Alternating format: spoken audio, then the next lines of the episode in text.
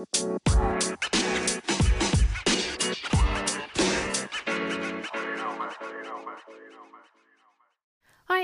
mijn naam is Janneke en welkom bij mijn Positief met Pubers podcast. De podcast waarin ik elke week vragen van ouders beantwoord over het opvoeden van pubers. Iets wat ik geweldig vind en waar ik gewoon heel blij van word. Ik denk graag met je mee, geef je concrete suggesties die je direct kan toepassen in jouw situatie. Mijn doel met deze podcast is jou te inspireren en te triggeren om anders te gaan kijken naar je puber, anders te gaan praten tegen je puber en anders om te gaan met puberproblemen. Heb je zelf een keer een vraag of een suggestie? Ze zijn altijd welkom. Je kan me vinden op Instagram op Janneke underscore, je pubercoach, of stuur mij een mailtje via info.conductien.nl. Nou, gaan gauw naar de podcast, aflevering van vandaag. Veel luisterplezier. Lieve groet! Hey, hey, leukert. Super leuk dat je weer luistert naar een nieuwe aflevering van mijn Positief met Pubers podcast. Ik zit, uh, as we speak, nou ja, zoals wij dat hier thuis noemen, op kantoor. Dat is het toilet. Uh, de kinderen zitten heel vaak hier als ze uitstroken om en even een momentje voor zichzelf nodig hebben. Vinden ze het heerlijk om hier te zitten. Dus om terug te komen. Als, het je een beetje, als je een beetje galm hebt, dan weet je wat vandaan komt. want ik zit op het toilet van Peter, die moet zo de nachtdienst in. En die die wilde heel even televisie kijken. Dus daar heb ik even een ander plekje gaan zoeken. Nou, goed. Niet dat mijn podcast bekend staat om de super deluxe geluidskwaliteit, maar dan weet je even waarom, als je de galm hoort, weet je waar die vandaan komt. Nou, dat gezegd hebben, vandaag een vraag die uh, denk ik heel herkenbaar is voor veel ouders. Dadelijk uh, zal ik daar meer over vertellen, maar eerst even dit. Afgelopen zaterdag heb ik mijn debuut gemaakt op de radio. Echt zo gaaf. Ik, uh, ik wist eigenlijk niet zo heel goed wat ik ervan moest verwachten. En, en denk dat je dat ook wel kan merken in het begin van het, van het interview. Want ik ben namelijk geïnterviewd door een regionaal radiostation met een bereik over bijna de hele achterhoek. En dat ging dan over jongeren in coronatijd en nou ja, ook een stuk over mijn boek en dat stuk. En uh, ja, dat was, dat was nieuw voor mij. En uh, ja, dat was even voor mij even zoeken van gewoon hoe een verhouding tot de microfoon en dat soort dingen. Maar toen ik eenmaal mijn stem een beetje had gevonden en mocht praten over mijn passie, waar ja, dat is zo gaaf echt. Weet je, het uur die ja, dat ging zo snel. En ze zei, we hadden van tevoren afgesproken, nou weet je, ongeveer elke tien minuten, kwartier uh, komt er een liedje. Maar ik dacht, is het nu al die tien minuten weer om? Ik dacht, hè?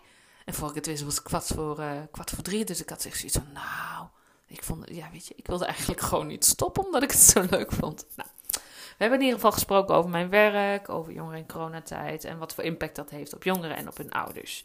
Dus ook, ook nog kort even over mijn boek. En uh, ja, weet je, het was wel heel erg leuk.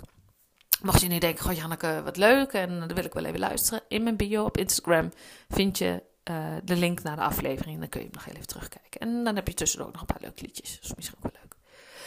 Goed, op naar het uh, waardevolle gedeelte van deze aflevering. Vorige week uh, ontving ik een vraag van, in mijn DM. Ik lees hem even voor. Even kijken. Ja, ik heb hem hier wel voor me ondertussen. Hoe kan ik het beste omgaan met een puber die overal maar ja maar en waarom ik op antwoord? En vervolgens gaat huilen omdat ze alles moet doen. Voor zijn gevoel alles moet doen. Dan, nee, Zoals de aflevering al begon, ik denk een hele herkenbare vraag. Een vraag uh, die niet in een antwoord te beantwoorden is. Uh, ja, deze moeder de, die de vraag stelt, heb ik natuurlijk al een antwoord gegeven. En de uitgebreide versie van het antwoord uh, nou, deel ik met jullie nou in deze podcast. Goed. Nou ja, reageren vaak met ja maar en waarom ik. En dat is met name op het moment dat ze iets moeten doen wat ze niet willen doen. Toch? Weet je, belangrijk is daarom voor jou dat je gaat onderzoeken waarom je puber zo reageert. Dus op welke vraag of opmerking geeft je puber dit antwoord. Want door dit te zeggen, positioneert je puber zich in de slachtofferrol, zoals we dat noemen. En, en jezelf slachtoffer tussen haakjes voelen, is eigenlijk een natuurlijke reactie op dingen als rouw, stress, uh, uh, veranderingen waar je het niet mee eens bent of waar je niet op zit te wachten. En, en wanneer jij weet waarom je puber zo reageert, kan je gerichte acties inzetten. En dit soort reacties zijn over het algemeen. Nou ja, weet je, ze hebben niet het, vaak niet het effect wat je zou willen. Maar uh, het is wel een reactie die nou, heel veel, en misschien wij zelf ook, ik, ik herken bij mezelf ook wel van ja, maar en dan kom, ga je verantwoorden of wat dan ook. En Dat is eigenlijk een hele natuurlijke reactie. Dus ehm, probeer daar in eerste instantie ook zo mee om te gaan. Probeer een beetje mild te zijn en, en, trek het je niet te veel aan. En weet je, een antwoord die, die je puber geeft op zo'n moment is een antwoord waar je eigenlijk niet zo heel veel mee kan. Dus dan is het juist belangrijk dat je gaat onderzoeken wat het gedrag is achter het gedrag. En dat zal je inzichten geven, zodat je adequaat kan reageren. Dus als je puber zo reageert, omdat het bijvoorbeeld geen zin heeft om te doen wat je haar hebt gevraagd, dan kan je aangeven dat je dat snapt, maar het toch moet gebeuren. Want het is zo, ja, weet je, wanneer je zo reageert en je merkt dat er wat anders achter zit, dan, dan kun je dat gaan onderzoeken. En wanneer je merkt dat het niet zo is, kun je inderdaad zeggen: Nou, weet je, ja, ik, ik snap je en het is even niet fijn. Maar ja, we hebben allemaal dingen die we moeten doen in huis en jij kan ook je steentje bijdragen. Dus maak daar niet een, een, hele discussie van. Maak daar niet een heel probleem van. Maar hou het, daar, hou dan kort. En wanneer je merkt dat er meer achter zit, meer achter het gedrag van wat je ziet, ga er dan even op in. Eh, wat je kan doen als dan is, ja, is gewoon echt gaan luisteren. Of je, eh, of je het nu mee eens bent of niet. Maar als je luistert en de ander wil begrijpen, voelt je puber dat. En voelt, dan voelt hij zich ook gehoord en gezien. En die erkenning is heel belangrijk. En vanuit daar kan je je puber helpen om uit die rol te stappen en de verantwoordelijkheid te pakken. Dus zoals ik al zei, ga niet in discussie met je, uh, met je, met je puber. Ik wil tiener en puber door elkaar zetten. Dat ging niet goed. Het is gewoon heel verleidelijk om mee te gaan in die drama. Maar het is verstandig om dat niet te doen en om niet te reageren vanuit die drama. Maar vooral je puber te vertellen dat je het gesprek graag wil voeren. En wanneer je puber erin blijft hangen, geef dan aan dat je het gesprek op een ander moment voortzet, op het moment dat zij rustig is. Dit betekent dus eigenlijk dat je heel vaak tot tien moet tellen, dat je geduld moet hebben voordat je wat zegt. En dat je probeert de woorden die jouw puber gebruikt niet persoonlijk te maken. En ook de, de woorden die je puber gebruikt los te zien van, van alles. Dus weet je, veel ruzies en veel discussies volgen het patroon van de drama-driehoek. En de drama-driehoek is in het kort. Uh, je hebt uh, in de drama drie, drie rollen. En, en iedereen vervult daarin vaak een rol. En de een vervult dan de rol van de slachtoffer, de ander de rol van de aanklager en de ander weer een rol van de redder. En wanneer je in een van die rollen zit, discussieer je eigenlijk niet op, op verstandelijk niveau, uh, op, op gelijkwaardig niveau. En, en ontstaat er ruzie, ontstaat er iets. Want de, de aanklager, uh, die is vooral aan het verwijten van, oh, en jij doet dit en jij doet dat, weet je wel. En de redder heeft zoiets van, oh, wacht even, met dit. Nee, nee, nee, het komt allemaal goed. Ja, kom maar bij mij, ik doe het wel. En wat je dan eigenlijk doet is, dan, dan heb je eigenlijk geen erkenning waar het slachtoffer mee zit. En de slachtoffer, nou ja, zoals ik net al vertelde, die is heel erg bezig met de verantwoordelijkheid bij de ander leggen. Ja, maar en waarom moet ik dat doen? En ik ben ook altijd degene, weet je wel, op die manier. En als je verstandelijk bezig gaat en, en niet in die emotie zit, dus als volwassene hoor je hier boven te staan. Maar dat is natuurlijk makkelijker gezegd dan gedaan. Dus, dus kijk voor jezelf, oké, maar probeer elke keer te observeren. Oké, maar wat gebeurt hier? Hoe sta ik erin? Neem ik een rol aan uit die drama-driehoek? Of kan ik daarboven staan en die rust bewaren? Dus wanneer je merkt dat je in die drama-driehoek belandt, neem dan even wat afstand en vertel je puber dat je dit gesprek op een later tijdstip uh, wilt voorzetten. En, reageer dan ook niet met, uh, ja, met, met beschuldigingen en, en de opmerkingen van je puber, hoe, hoe moeilijk dat ook is. Het is echt even tijd voor een time-out, zodat jij je boosheid uh, kan temperen, zodat je puber zijn boosheid kan temperen. En zodat jij niet gaat schreeuwen, zodat je puber niet gaat schreeuwen. Zodat je het gesprek op een rustiger moment en een wat rustiger voort kan zetten. Jij geeft daardoor eigenlijk het voorbeeld dat je puber ook kan gebruiken. Later in het gesprek kan je dit ook benoemen indien het wenselijk is. Dus jij geeft hier het voorbeeld van: oké, ik merk dat het gaat escaleren. Ik merk dat we richting ruzie gaan.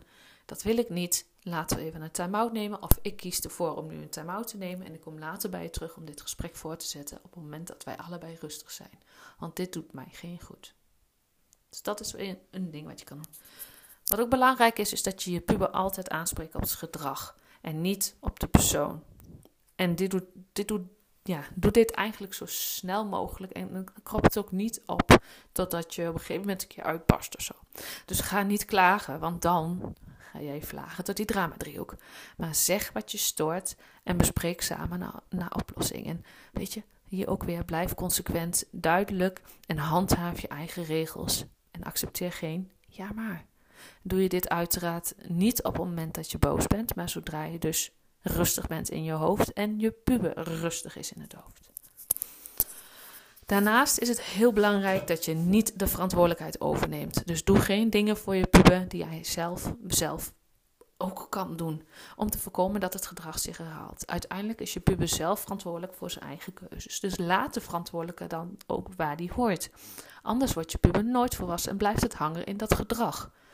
Wanneer je puber zijn kamer niet opruimt, zal hij bijvoorbeeld zijn eigen uh, in zijn eigen vuil moeten leven. Dan wordt het maar een vuilnisbelt. Jij kan dan wel als voorwaarde stellen dat hij de deur van zijn kamer ten alle tijden dicht doet, zodat jij er niet zoveel last van hebt en niet meer geconfronteerd wordt. Maar laat zijn kamer bij je puber. Zijn kamer, zijn verantwoordelijkheid. Snap je? Dus wanneer je uh, dat zo handhaaft, dan, dan weet je, nou, als hij het dan niet opruimt, dan is dat niet jouw probleem. Maar dan wordt het ook niet jouw probleem, omdat jij het niet opruimt. Dan, dan blijft het zijn verantwoordelijkheid. Maar ook bijvoorbeeld school.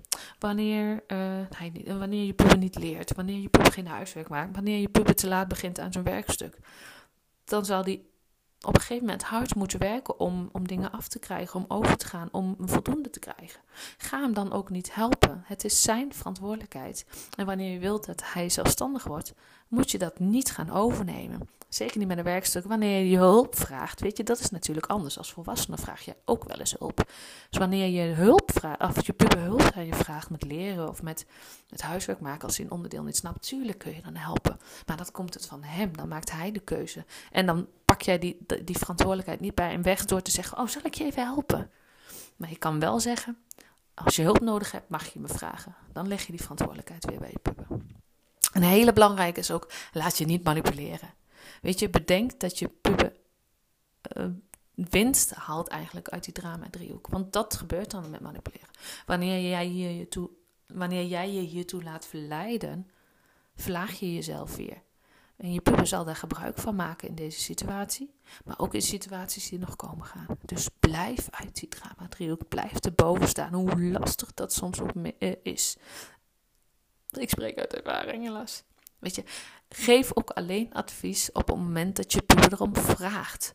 Of wanneer jij vraagt van, goh, kun je nog advies gebruiken? Of mag ik je advies geven? En je puber zegt, ja, doe maar. Dan geef je advies en niet dat ongevraagde advies, want dat gaat vaak een oor in andere uit. En, en dat, dan bereik je niet wat je ermee wil bereiken, hoe goed je advies ook is. En weet je, benoem ook wat je graag wilt dat je doet, in plaats van benoemen wat je niet meer wilt zien. En daarin geen verwijten. Dus zeg je, ehm, weet je, ik zou het fijn vinden als jij je rommel opruimt. In plaats van, jij ruimt nooit je rommel op. Dus vermijd de woorden nooit in, in, in, in, gesprekken met je puber. Want nooit, ja, weet je, wat is nooit? Dat. En probeer ook hetgeen wat verkeerd gaat en, en irritant gedrag zoveel mogelijk te negeren. En probeer, dus benoem het, het, het het goede gedrag, zeg maar. Dus toon begrip en geef steun en wees begripvol en sympathie, toon sympathie en wees zuinig met adviezen. Vraag liever hoe ze dit zelf kunnen en willen oplossen, in plaats van, oh je moet dat zo en zo en zo doen. Weet je, heel veel, heel vaak, laat het zo zeggen, uh, kunnen pubers je advies wel gebruiken, maar dan zullen ze erom vragen. Of als dat minder lukt, kun jij dus zeggen van, goh, weet je, kun je mijn advies gebruiken of mag ik je advies geven? Dus. En ook een belangrijke, als je wil voorkomen dat pubers constant in de ja-maar zitten, van geef ze kaders. Weet je, regels zijn soms heel fijn, maar bij een puber is dat ook gelijk weer heel aantrekkelijk, omdat dat daarmee de grenzen kunnen opzoeken, jouw grenzen in dit geval. Dus wanneer je ze kaders geeft, en ruime kaders geeft, weet je, dat is dan weer anders. Dus oh ja, ga daarmee spelen. Maar geef je tiener het gevoel van veiligheid. Dat is, dat is altijd belangrijk. En weet je, de regels. Ik, uh, ja, ja, regels en afspraken, ze zijn nodig. En dat weten pubers ook. Ze hebben die structuur nodig.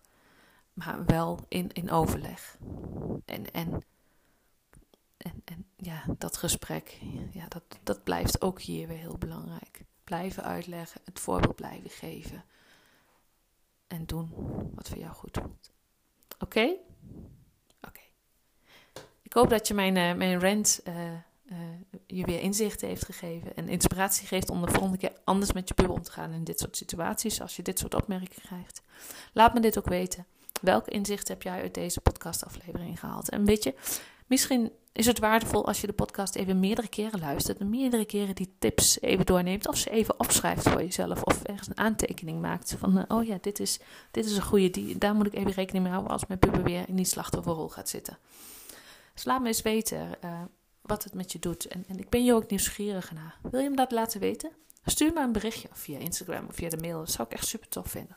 Ook als je vragen hebt, mag je me altijd een berichtje sturen. Ik word er namelijk heel blij van. Weet je, ik vind dat gewoon het leukste om te doen. Om, om ouders eh, van pubers te helpen met, met al de puberdingen die spelen. Ja, weet je, daar word ik gewoon heel blij van als ik mag meedenken. En eh, als ik daar een bijdrage aan lever. En op deze manier kan ik heel veel pubers bereiken. En door jullie kan ik jullie puber ook weer een beetje helpen. En dat is waar ik het voor doe. Goed, dat was hem weer voor vandaag. Dankjewel voor het luisteren. Ik wens je een hele fijne dag. En tot de volgende keer.